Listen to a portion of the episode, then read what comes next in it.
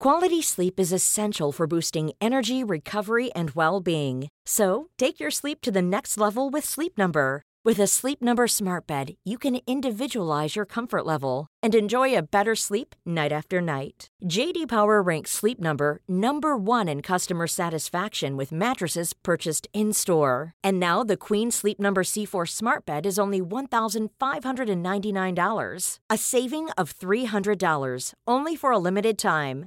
For JD Power 2023 award information, visit jdpower.com/awards. Only at Sleep Number stores or sleepnumber.com.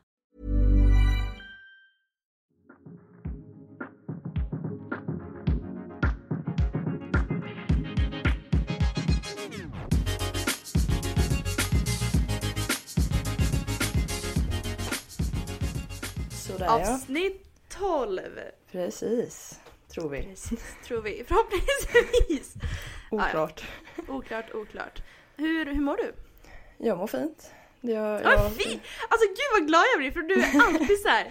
Ja, det Okej. funkar. Så alltid när du mår bra, jag blir så lycklig. Så chockad.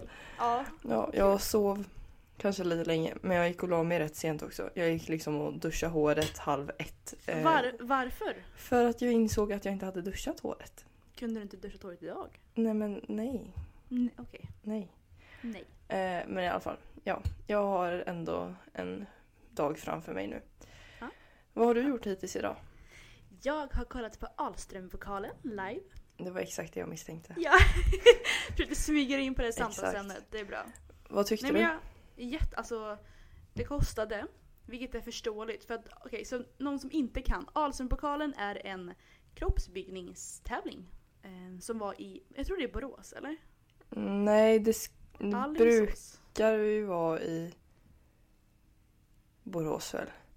Nej. Oavsett Nej men Alströmer, en, vart är Alströmer? Det ju, handlar ju om. Alströmer. Alltså det är Ja. ju ett, ja, Oavsett så är det Ja. en tävling som är någonstans.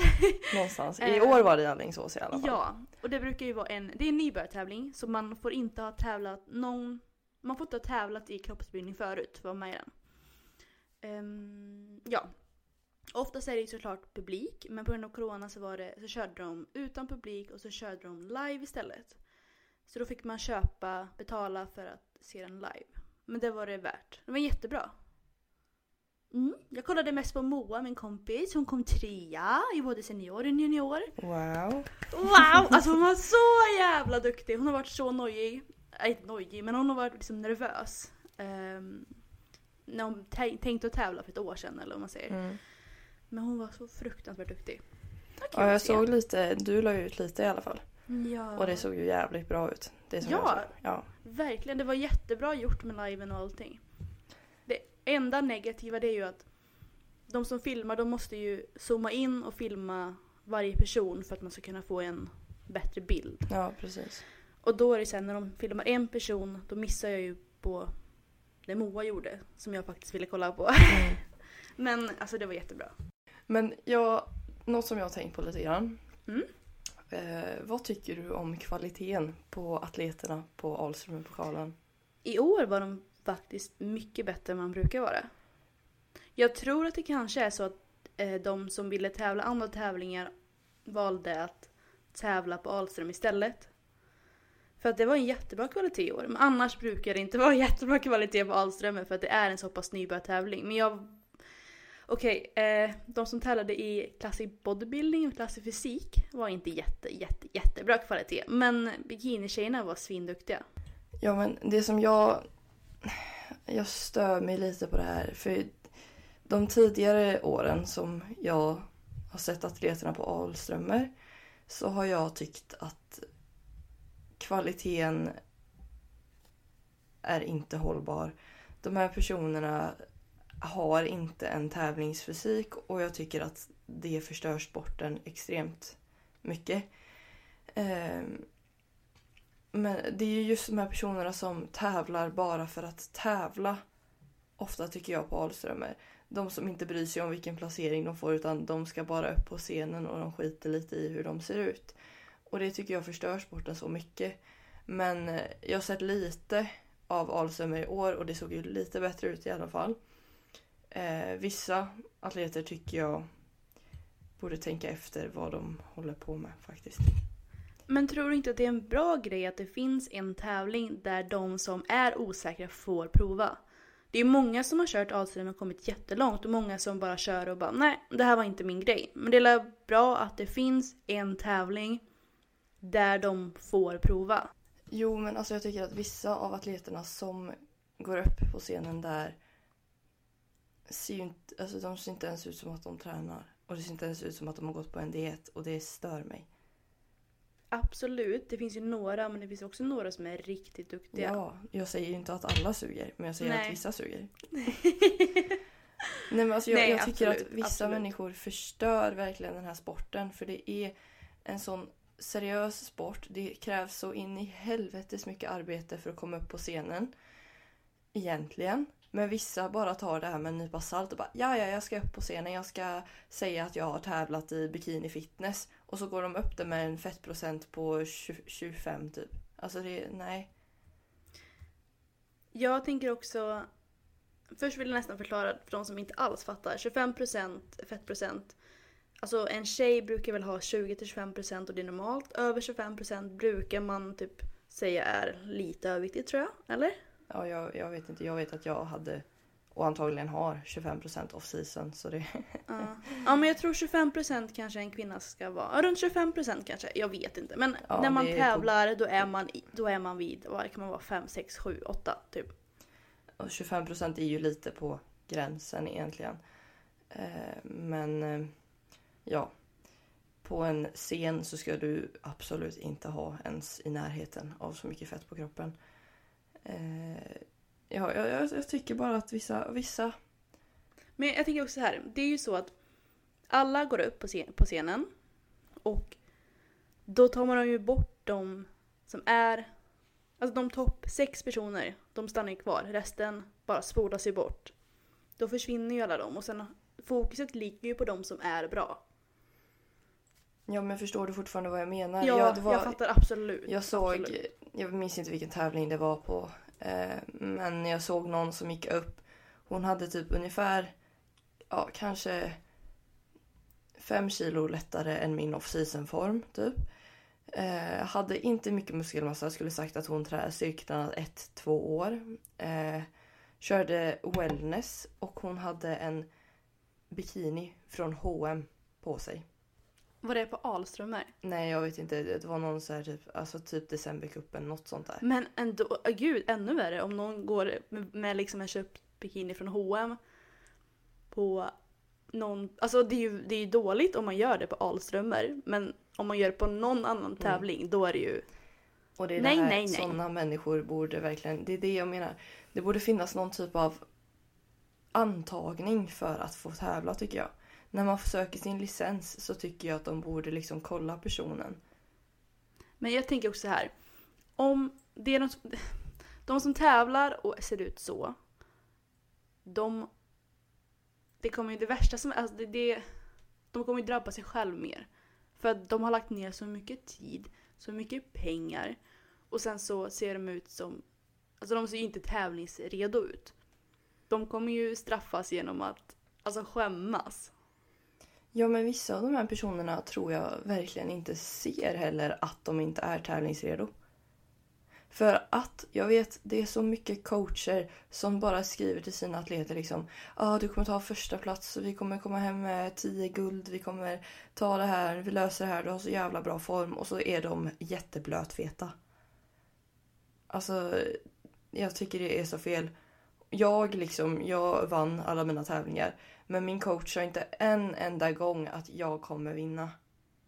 Och det är så det ska vara. Man ska inte bygga upp någon hybris på en person. För man vet aldrig hur det slutar och speciellt inte om personen inte förtjänar att ha hybris. Men jag tänker, kan vi inte bara för de som är verkligen, de som inte alls fattar sporten, kan du inte bara göra en, en liten förklaring om Eh, ja, fitness. Det är komplext, men... ja, det är komplext. Eh, nej, men... Eh, jag säger så som det är idealiskt då. Du har tävlat, trä, inte tävlat, du har tränat i kanske två, helst tre år innan din första debut. Eh, sen så finns det ja, det är så mycket olika saker att förklara här. Men Mm. det finns de olika grenarna då. Bikini fitness, vilket är lite glammigt, lite mer skönhet. Wellness fitness, vilket är lite mer köttigt, lite mer större ben, fortfarande glammigt.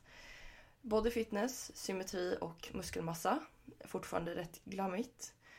Eh, och sen women's fysik, det är bodybuilding och då är det inga klackar, inte lika glammigt men fortfarande kvinnligt. Snyggt. Eh, ja, vad, vad gör man sen? Eh, ja, det, man väljer sin gren. Och man skaffar en coach. Vad var ens frågan? Jag, jag vet knappt vad jag frågade. Ehm. Men Vad svara på du, det blir säkert jättebra. Ja, vi, försöker, vi fortsätter. I alla fall, man väljer sin gren och skaffar helst en personlig tränare slash coach. Som då kan hjälpa en att lägga upp scheman för den här grenen. Det är ju liksom lite skillnad om du vill köra wellness, fitness eller women's fysik. Vad du ska lägga fokus på. Mm. Eh, alltså vilka muskler som behöver växa lite grann. Och så kör man, oftast så börjar man med en off-season. Det vill säga icke-säsong. Att man eh, äter ganska mycket mat, har ganska mycket fettmassa eh, och bygger muskler under fettmassan. Eh, sen så börjar man sin diet inför tävlingen. Den ska vara väl planerad. Jag började min diet 25 veckor innan min första tävling. Och då börjar man eh, först med att eh, Ja, oftast så börjar man faktiskt med att sänka maten lite grann. Eh, skala av sakta och säkert. Och så sänker man maten mer och mer och mer och mer. Och sen så när man sänkt maten lite väl så börjar man lägga in cardio istället då. För att man vill fortfarande få mat på sin tallrik. Mm. Och så snabbspolar vi. Okej. Ja, och sen så, vad, vad vill du veta? Eh, sen kom, ja, jag vet knappt. Okej, sen så Ja. um, tävlar man. Jag vet inte vad var frågan ens, jag har glömt av den här frågan. Ja, men liksom vad är fitness? Hur tar man sig dit? Eller alltså, Ja, något sånt där tror jag frågan. Ja, men sen så dietar man. Poseringstränar. Det måste man göra typ varje dag om man ska bli bra. Vilket Mm. folk glömmer att man måste göra. Mhm. Eh, och sen så går man upp på scen och vinner hela skiten. Just det, så gör man. Enkelt. Det var Enkelt. jätteenkelt. Ja, ni hörde. Det tar liksom bara 25 veckor sen vinner man. Det är självklart. Självklart. Ja. Hallå. Exakt. I alla fall. Gud vad rörigt det här blev. Det blir Oh! jätterörigt. Eh, till och redigera detta. Nej, men jag klipper ju bort hälften. Ja, bra. Bara. Delete. Ja. Mm.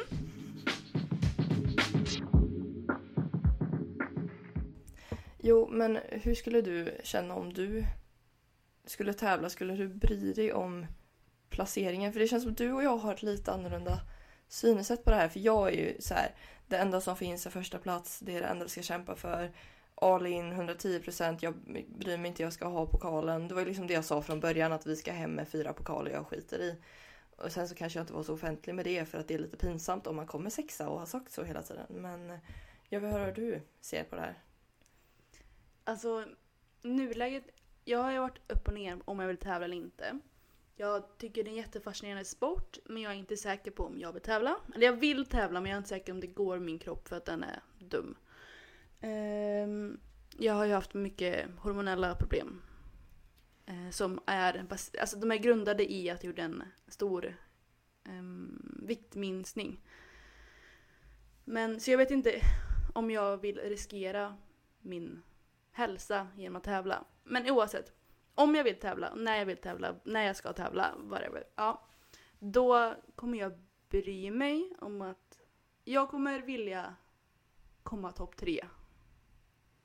Men jag kommer nog inte, jag kommer inte tänka så här, jag ska bara tävla för att vinna. För det, ja, det är bra att du, jag är nöjd att du sa topp tre i alla fall. Men alltså grejen är att jag kan ju inte tänka så här, alltså om jag hade tävlat, mitt mål hade ju såklart varit att vinna. Men jag kan inte känna så här, ja nu ska jag dieta i 30 veckor säger vi.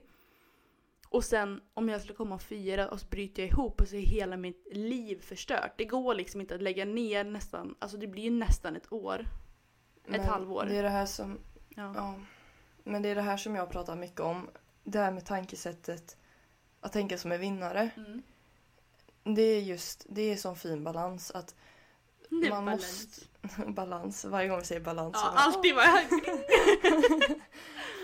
Eh, men det är just det här att från början så jag kan tänka mig att du har fått en del meddelanden av mig där jag skriver liksom ah, nu tar vi det här, jag ska ha första platsen och man, man måste ha hybris Mm. för att kunna vinna enligt mig. Absolut, absolut. Du måste tänka att jag ska ta första pris, jag är fucking bäst, jag kommer bara mosa allihopa, jag, jag, det finns inget annat än första plats. Det är bara första plats du ska se. Men samtidigt måste du ha det här realistiska tänket. Jag säger alltid att jag har två perspektiv på tävlandet. Ett är det här hybris-Julia som bara ska ha första plats som bara, jag skiter i allt annat, jag all, inget annat spelar någon roll, jag ska bara ha första plats. Men sen så har vi den andra bakom mig som fortfarande är realistisk och liksom matar på med att men tänk om det inte händer, du måste fortfarande kunna hantera det. För att om man ställer in sig 110% på att ta första plats så om du kommer tvåa eller trea, vilket är asbra, så kommer du bli så förkrossad. Mm.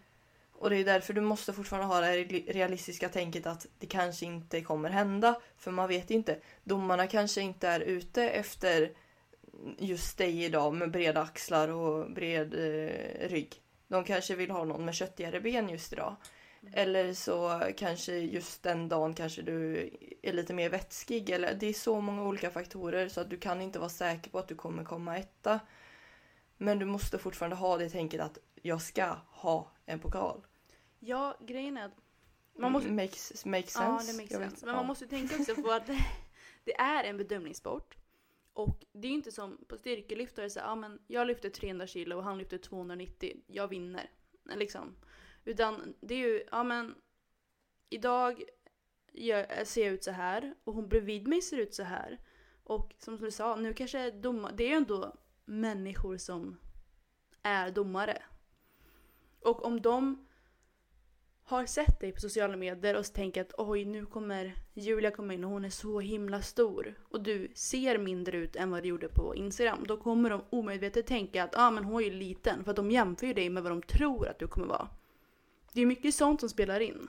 Men sen så är det också att, som du säger att i en styrkelyftstävling så kan man liksom jämföra. Där är det också såklart faktorer som sömn, kost, allt. Alltså allt.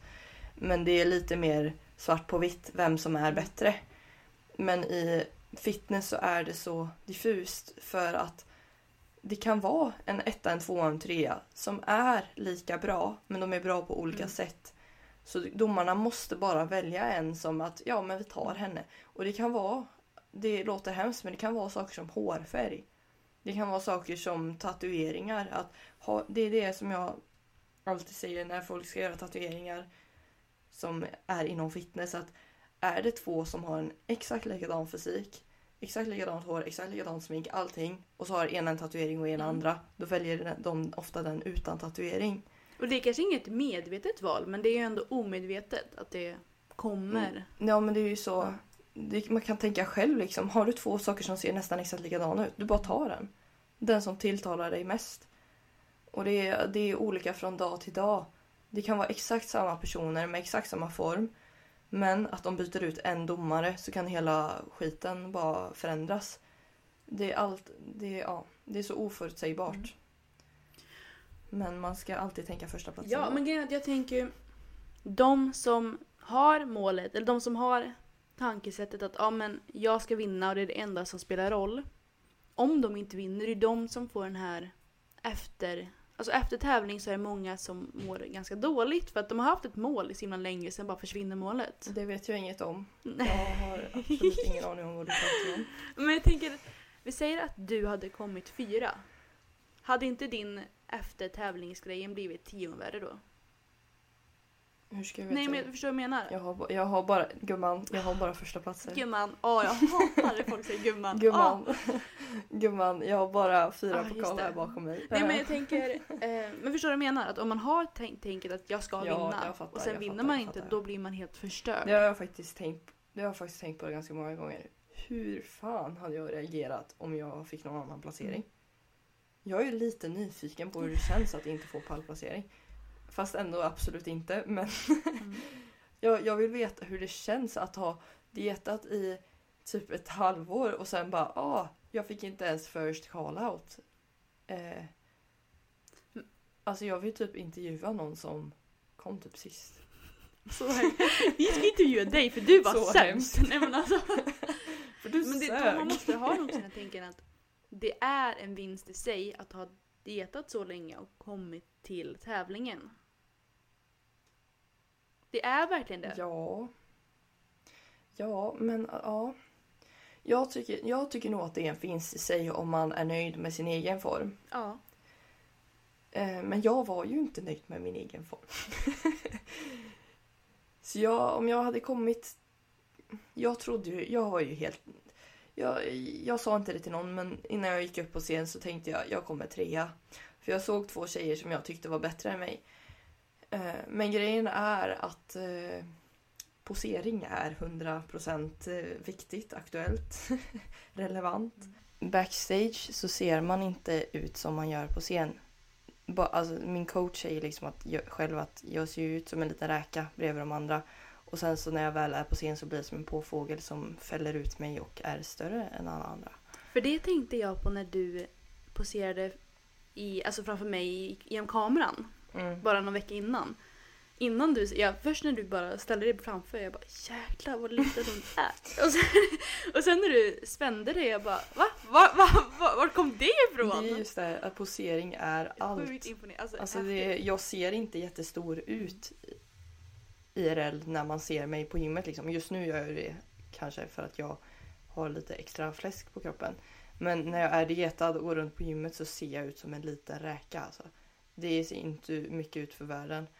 Och det där, det, jag tycker det är så kul att posera. För, eller askul är det väl inte men det, whoop. det är kul med det just där att se body transformation på en sekund liksom. Från räka till påfågel. Mm. Ibland, ibland brukar jag så här stå i spegeln och så poserar jag halva kroppen. Det är fan askul. Man bara, alltså man ser skillnaden att man du tar ut latsen på ena sidan men inte andra och så spänner du så här. Ah, man märker att oj, oj, oj, oj, oj, oj nu händer Oj, någonting.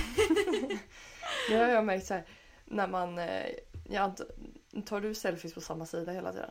ja. Ja, och den... Alltså man är mycket det är bättre på att på Ja. ena sidan. Det är ju Men grejen är, sorgligt. det Det är ju så- riktigt sorgligt. Det är det som är bra för att det är min vänster sida som jag alltid tar kort på. Och vänster sida är ju ofta den som är sämre och inte hänger riktigt Ja. med. Jag med! Så det är asbra. den får lite extra träning liksom. Det är Men det, det där är så sorgligt. Alltså det är ju bara så sorgligt att det är så. Life of influencer. är du en influencer? Nej, Joho. punkt. jag vill inte! Fast man är ju en influencer när man inspirerar andra. Influencing others. Ja, influerar andra. Du influ- influerar andra. Mm. Du ger dem influensa. Nej. Nej, men vad Nej. pratar vi om nu då kompis? Jag har en kompis med Å. Eh, jag, tänkte, jag tänkte på en sak. Jag vet inte när, men någon gång tänkte jag på det. Jo, eh, när jag gick i kanske femman, sexan. Jag kommer ihåg när jag gick in i... Eh, innan man äter så var det så här, du vet, en, ja, men toalett, man tvättar händerna. Och så kollade jag på mig själv och bara, om jag bara hade varit lite smal, då hade jag ju varit väldigt fin. Nej. Och jag, alltså jag gick i femman eller sexan. Jag, jag kan inte reflektera över att... För jag vet att jag blir kallad tjock och eh, retad för att ja, du ser gravid ut och bla bla bla. Men jag kan inte minnas att jag mådde dåligt över att jag var tjock. Jag vet att jag mådde dåligt och var ledsen men det var nog mer för att jag var ensam. Jag, jag kan inte reflektera över att jag önskar att jag var smal. Grejen- Utan det tror jag kom Jag kommer, senare. inte- jag kommer inte heller ihåg att jag mådde dåligt över det. Utan det var typ ett... Det kanske var så här typ då och då eller så här.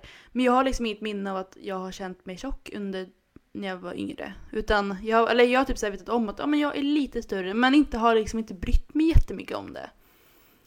Men jag, jag har bara det här minnet och sen resten har jag inget annat i minne av att jag har känt mig så här ledsamt tjock och mått dåligt över när jag var yngre. Men vet du om du fick några kommentarer om att Nej, jag har aldrig blivit mobbad.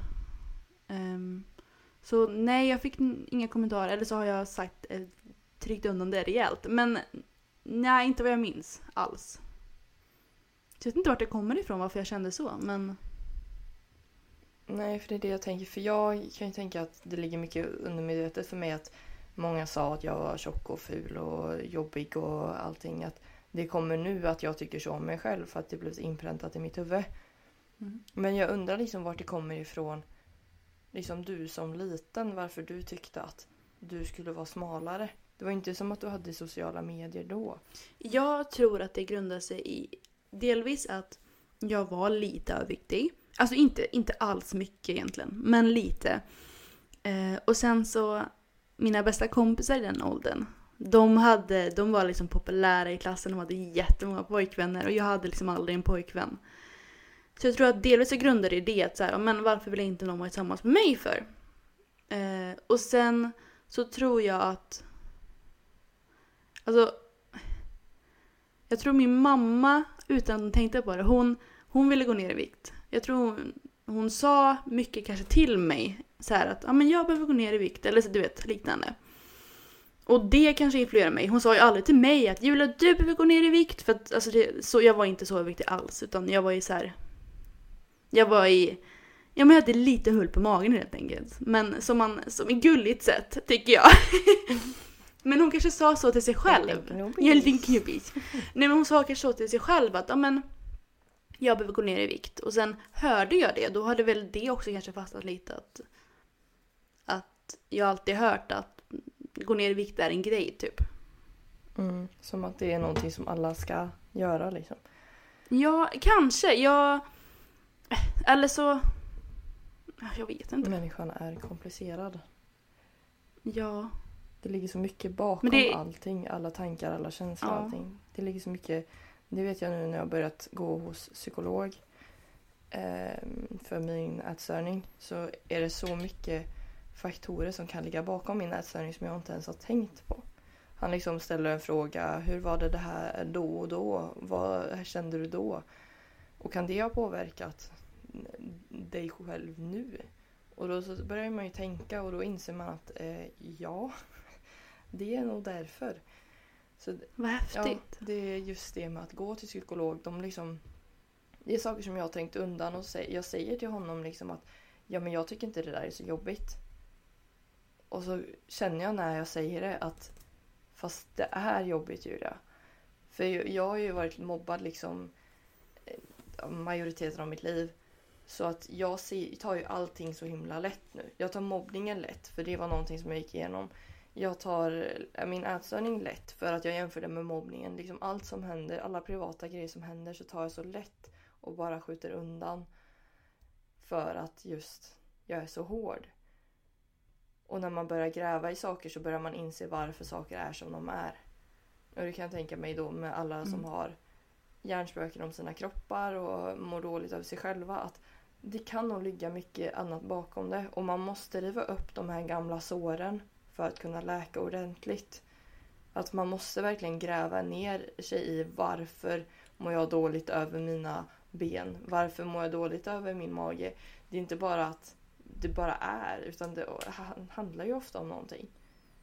Och det kan ju vara små saker som att eh, någon sa någon gång att jag såg gravid ut eller Mm. jag såg den här på Instagram och den var så fin. Alltså vad som helst. Men det, det är ju alltid någonting mycket större bakom. Ja, nu vet jag inte vart vi hamnar Julia. Jag, jag, kom på, jag kom på en jättesorglig till sak i mitt... alltså, jag vet inte vad jag, Jo men jag säger detta. Jag och min kompis masserade varandra. Eh, och så, så var jag lite tjock. Och så masserade hon mig. För jag hade så här, vi hade massagebord liksom. Eh, hemma hos oss. För min mamma har masserat och hon är duktig. Ehm, så då kunde vi ibland typ så här, ja men verkligen massera varandra med så olja och grejer. vet. Och då masserade hon och så slog man typ så här, masserade min mage och så tryckte hon undan smittfett och sen släppte hon och så bara Så går det tillbaka. Va? Va? Då var vi kanske tio. Förstår du? Förstår du? Det var min bästa kompis så det var liksom inte så här utan hon själv Mm, jag, jag brukade leka med Barbies Ja, och så men jo. Men Eh, så hon var min bästa vän och det, återigen, det, det, alltså, jag var inte jättestor och det var ingen mobbning. Hon var pinsmal. Så hon tyckte det bara var kul. Alltså men det, ja. ja, det kanske också ligger och gräver lite. ja, du tillbaka till... Och du bara, Nej, nej jag jag- tror inte jag har- kommer ihåg någonting. Eh, jo, men i alla fall. Tillbaka till psykologgrejen. Eh, hon, jo, som du har ju sagt att du eh, tyckte att det var jobb, alltså det var nästan jobbigare att gå till psykologen i början. Ja, det är ju just därför Mm. att man river upp allting och börjar inse vad man egentligen har gått igenom. Vad som, alltså det är så många små saker som egentligen inte är så små när man tänker efter. Saker som jag bara har skjutit undan och bara ja, ja, det där är väl inget. Men när man väl pratar om det så inser man att det här är rätt allvarligt och det här tar ganska mycket. En människa ska inte gå igenom det här. Ehm, jag kan ju kanske inte gå in på exakt vad, men det är ganska egentligen tuffa grejer som jag bara så här, nej, nej, det där är ingenting. Och allt det här kan jag tänka mig har ledit fram till min ätstörning. Såklart att dieten gjorde mycket. Men jag tror inte heller att en person får en ätstörning endast av att gå på en tävlingsdiet. Det tror jag inte är möjligt. Utan jag tror det sitter andra saker Jag i huvudet. tänker också att det behöver inte alltid vara en stor grej som har gjort att man mår dåligt. Utan det kan ju vara en liten, liten grej men som du har gjort till en stor grej. Ehm, så det kanske är så här. Det kanske är någonting som, som du mår dåligt över. Som om du har berättat det för mig, jag bara va? Det där är ju ingenting. Men som du har gått och grott på och gjort till en jättestor sak. Men grejen är, jag är tvärtom. Ah, Okej. Det, jag tror att många människor kan... Många människor är nog som är att de skjuter undan allting hela tiden. För det är så tuffa grejer att man inte ens kan omfatta det. Alltså man kan inte förstå det. Eh, så att man, vi tar ett exempel, jag, om man gör sönder sin mormors vas typ eller någonting. Jag kan inte ta andra exempel men och det var en jättefin vas. Och man mår så dåligt över det att man inte ens kan tänka på det. Så att det bara är så här, nej skitsamma bort med dig. Alltså så här. Och sen så kanske tio år senare så börjar du få jättemycket ångest och du vet inte varför. Och det kan vara den här vasen som ligger och gnager i dig. Mm. Det är liksom sådana saker som du har skjutit undan hela ditt liv. Att det, det ligger kvar och gnager. En människa kan inte skjuta undan jobbiga saker på det sättet. Klart man kan men det kommer, det biter den i röven någon gång. Jag ju, både du och jag tycker ju att alla borde gå till en psykolog. Ja, det har inte jag tänkt tidigare för att jag har tyckt att det är lite tabu. Mm. Men nu när jag väl gått dit så alltså det, ja. Jag har ju själv aldrig gått till en psykolog. Nej. Men det är för att jag aldrig har, har ha- haft liksom stora problem. Och jag vill gärna gå till en psykolog för jag tror som sagt att alla behöver göra det. Och jag tror bara att man kan öka sin livskvalitet och att man faktiskt får ut det som är jobbigt. Men eftersom jag inte har några stora problem eh, så kommer jag inte kunna gå hos en psykolog genom staten eller genom landstinget eller vad man nu säger. Så jag måste ju köpa och betala själv.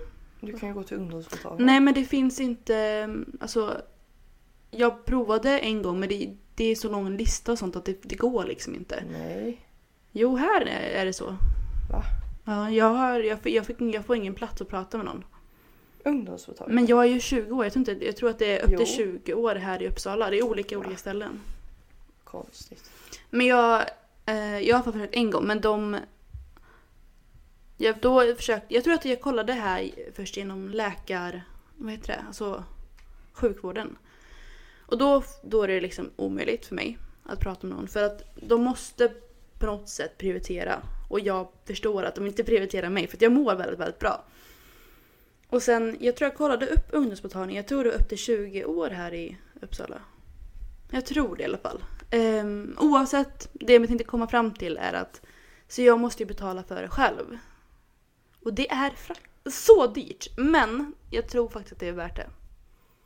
Men om det är upp till 20 år, får du vara 20 då? Nej. Jo.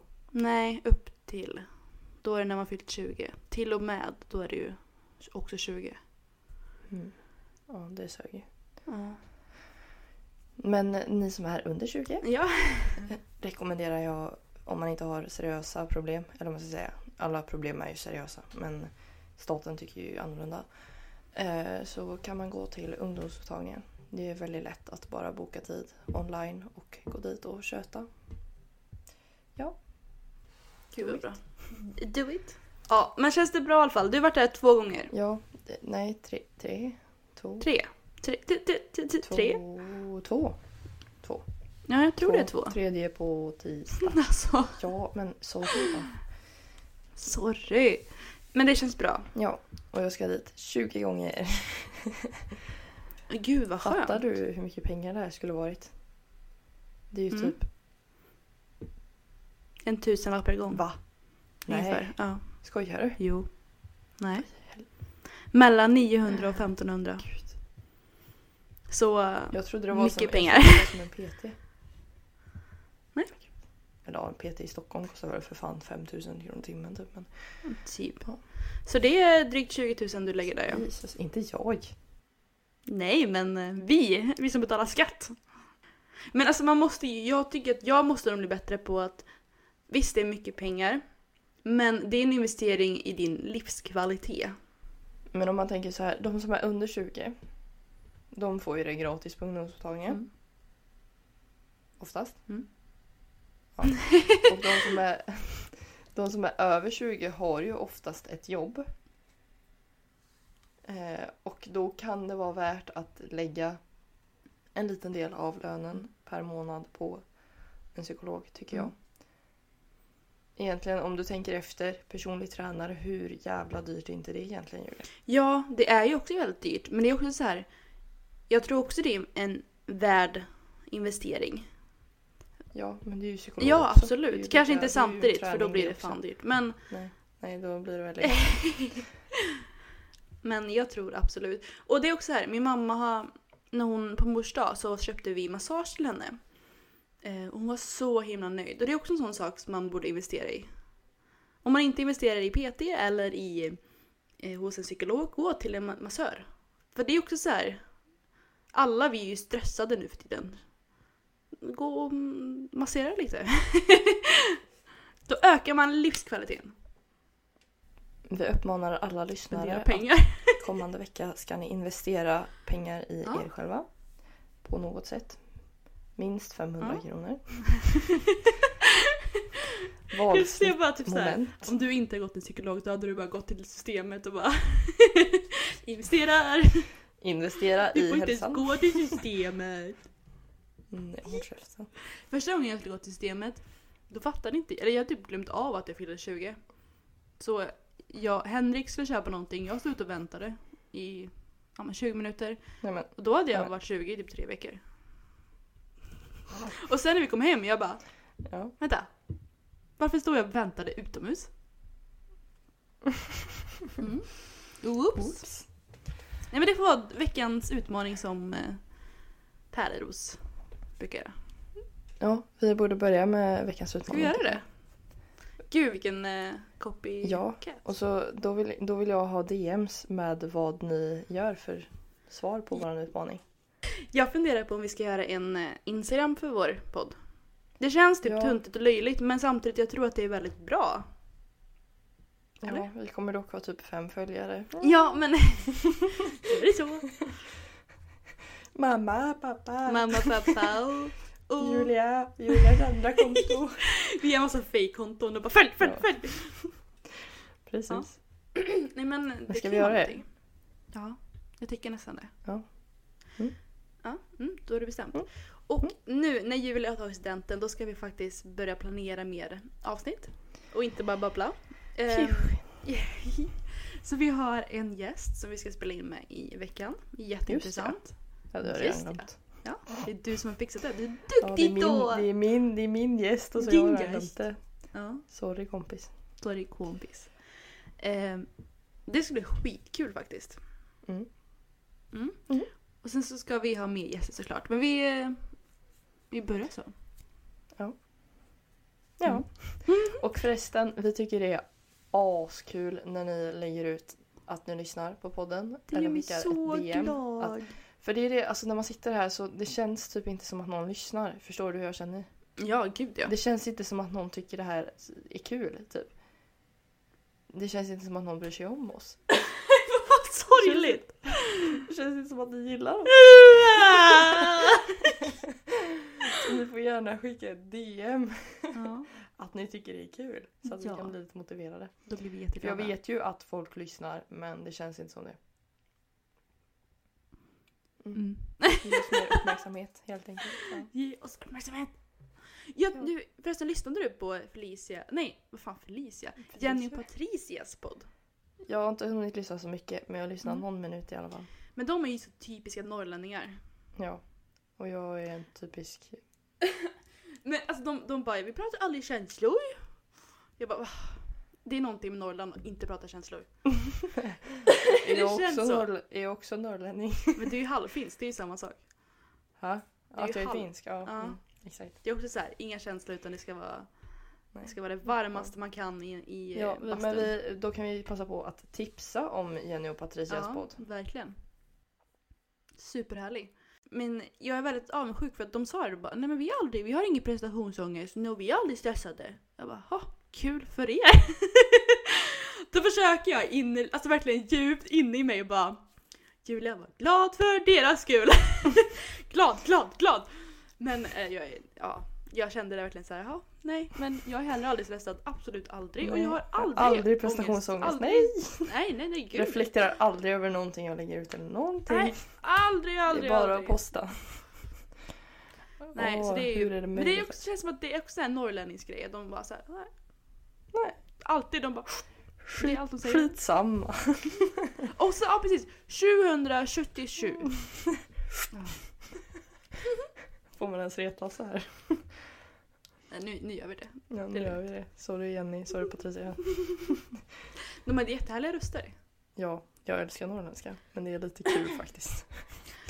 En annan grej, jag, min, kom, eller min kille Henrik, hans kompis Anton, Anton är ju också min kompis, men ja. Han skulle härma eh, skånska. Nej. Han kommer från Skellefteå. Åh.